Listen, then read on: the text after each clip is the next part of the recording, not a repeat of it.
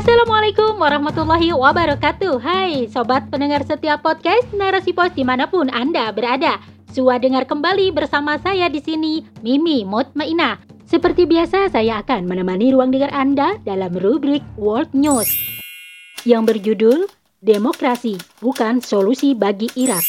Buah karya Mariatul Kiptiah SPD Nah pendengar setia Jangan ke mana-mana tetap setia bersama podcast Narasi Pos Media, narasipos.com, cerdas dalam literasi media, bijak menangkap peristiwa kunci. Sudah 10 bulan rakyat Irak tidak memiliki pemerintahan. Pemilu yang dilaksanakan pada Oktober tahun lalu tidak berhasil membentuk pemerintahan baru. Kubu-kubu yang bersaing dalam pemilu tidak mencapai kata sepakat tentang siapa saja yang akan menempati posisi penting dalam pemerintahan. Rencana kelompok Syiah pro-Iran untuk membentuk pemerintahan yang baru ditentang keras oleh kelompok Syiah pimpinan Maktada al-Sadr.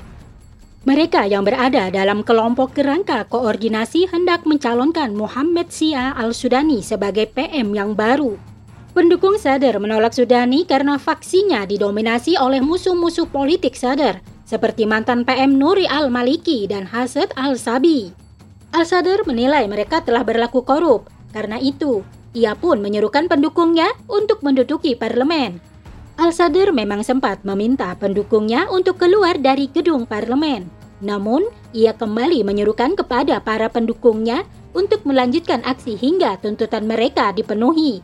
voaindonesia.com 48 2022 Sistem demokrasi telah diterapkan di Irak Sejak wilayah itu beralih dari bentuk pemerintahan monarki menjadi republik pada tahun 1958. Presiden pertamanya adalah Jenderal Abdul Karim Qasim yang memimpin kudeta militer terhadap Raja Faisal II. Ia menduduki jabatan itu hingga tahun 1963. Setelah itu, terjadi beberapa kali pergantian presiden, baik karena digulingkan, mengundurkan diri, atau habis masa jabatannya. Pada masa rezim Saddam Hussein, pejabat Irak berasal dari kalangan Sunni. Namun, sejak Saddam Hussein jatuh, kekuasaan di negeri 1001 malam itu pun dibagi. Partai politik yang mewakili kaum Syiah mendapat posisi Perdana Menteri, sementara suku Kurdi mendapatkan posisi sebagai presiden, sedangkan jabatan sebagai ketua parlemen diberikan kepada kaum Sunni.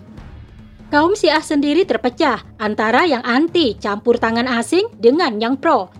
Salah seorang ulama Syiah yang menolak campur tangan asing adalah Muqtada al-Sadr. Ia mendirikan Laskar Mahdi pada tahun 2003. Ia sangat gigih dalam menentang pendudukan Amerika Serikat pasca penggulingan Saddam Hussein. Berbagai label buruk diberikan kepada al-Sadr dan pendukungnya.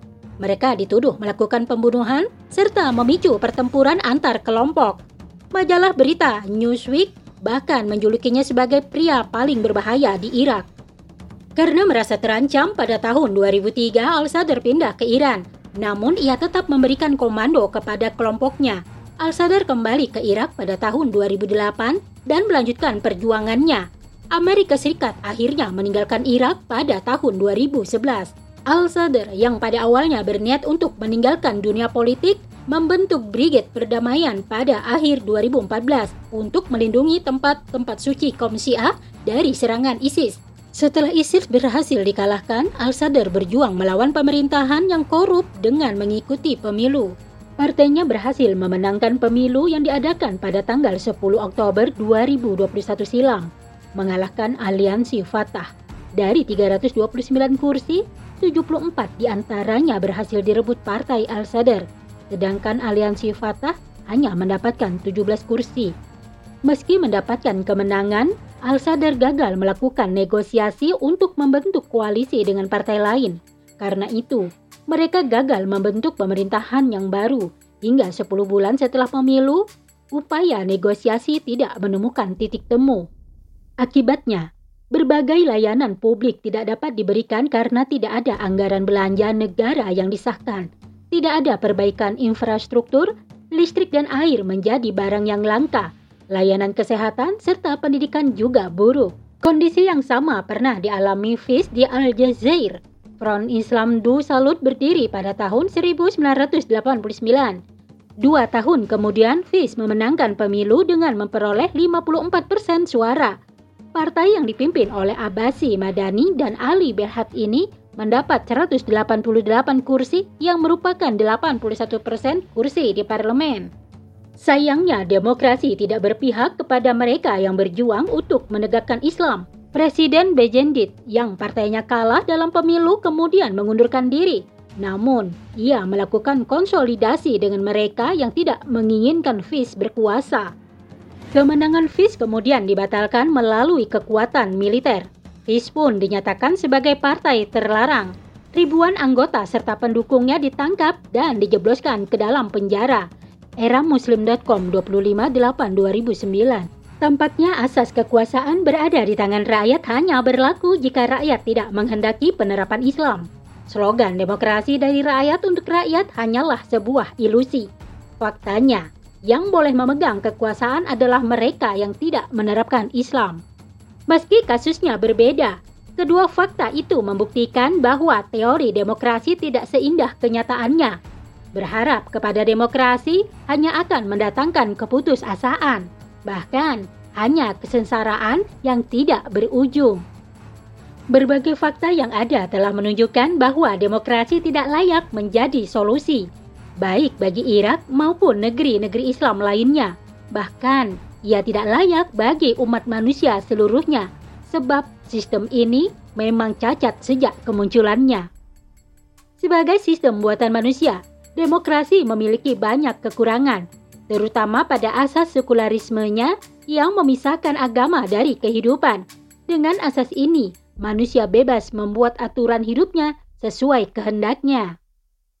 Justru karena inilah, demokrasi tidak pernah mampu mengakomodasi kepentingan semua manusia. Akibatnya, akan selalu timbul pertentangan dan perselisihan di antara mereka. Sebab, semua menginginkan terwujudnya kepentingan diri atau kelompoknya. Berbeda dengan demokrasi, Islam adalah aturan yang berasal dari Sang Pencipta manusia. Karena itu, aturan Islam merupakan aturan yang paling tepat bagi manusia termasuk dalam mendapatkan kekuasaan. Hal itu telah dicontohkan oleh Rasulullah Shallallahu Alaihi Wasallam saat beliau diperintahkan oleh Allah untuk menerapkan Islam secara kafah. Beliau melakukan perubahan terhadap masyarakat terlebih dahulu. Beliau mendakwakan Islam selama 13 tahun di kota Makkah. Namun kejumudan penduduk Makkah membuat beliau belum berhasil menerapkan Islam. Pertemuan beliau dengan beberapa kepala kabilah dari kota Madinah kemudian mengubah kondisi tersebut. Mereka lah yang menerima dakwah Islam secara kafah hingga mereka bersedia menyerahkan kepemimpinan kepada Rasulullah Shallallahu Alaihi Wasallam. Inilah jalan yang seharusnya ditempuh untuk meraih kemenangan yang hakiki, yakni melalui dakwah pemikiran kepada umat, bukan melalui demokrasi dan parlemennya Sebab itulah metode yang dicontohkan oleh Nabi Muhammad SAW. Sedangkan apa yang dilakukan oleh beliau berasal dari wahyu Allah Subhanahu wa taala. Sebagaimana firman-Nya, dan tidaklah yang diucapkan itu dari hawa nafsu. Hal itu adalah wahyu yang diwahyukan kepadanya.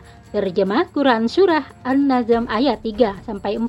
Seharusnya jalan inilah yang ditempuh kaum muslimin, termasuk mereka yang berada di Irak. Melalui jalan itu, mereka akan mendapatkan kemuliaan sebagaimana mereka dulu mendapatkannya saat berada di bawah naungan khilafah Islam. Wallahu alam.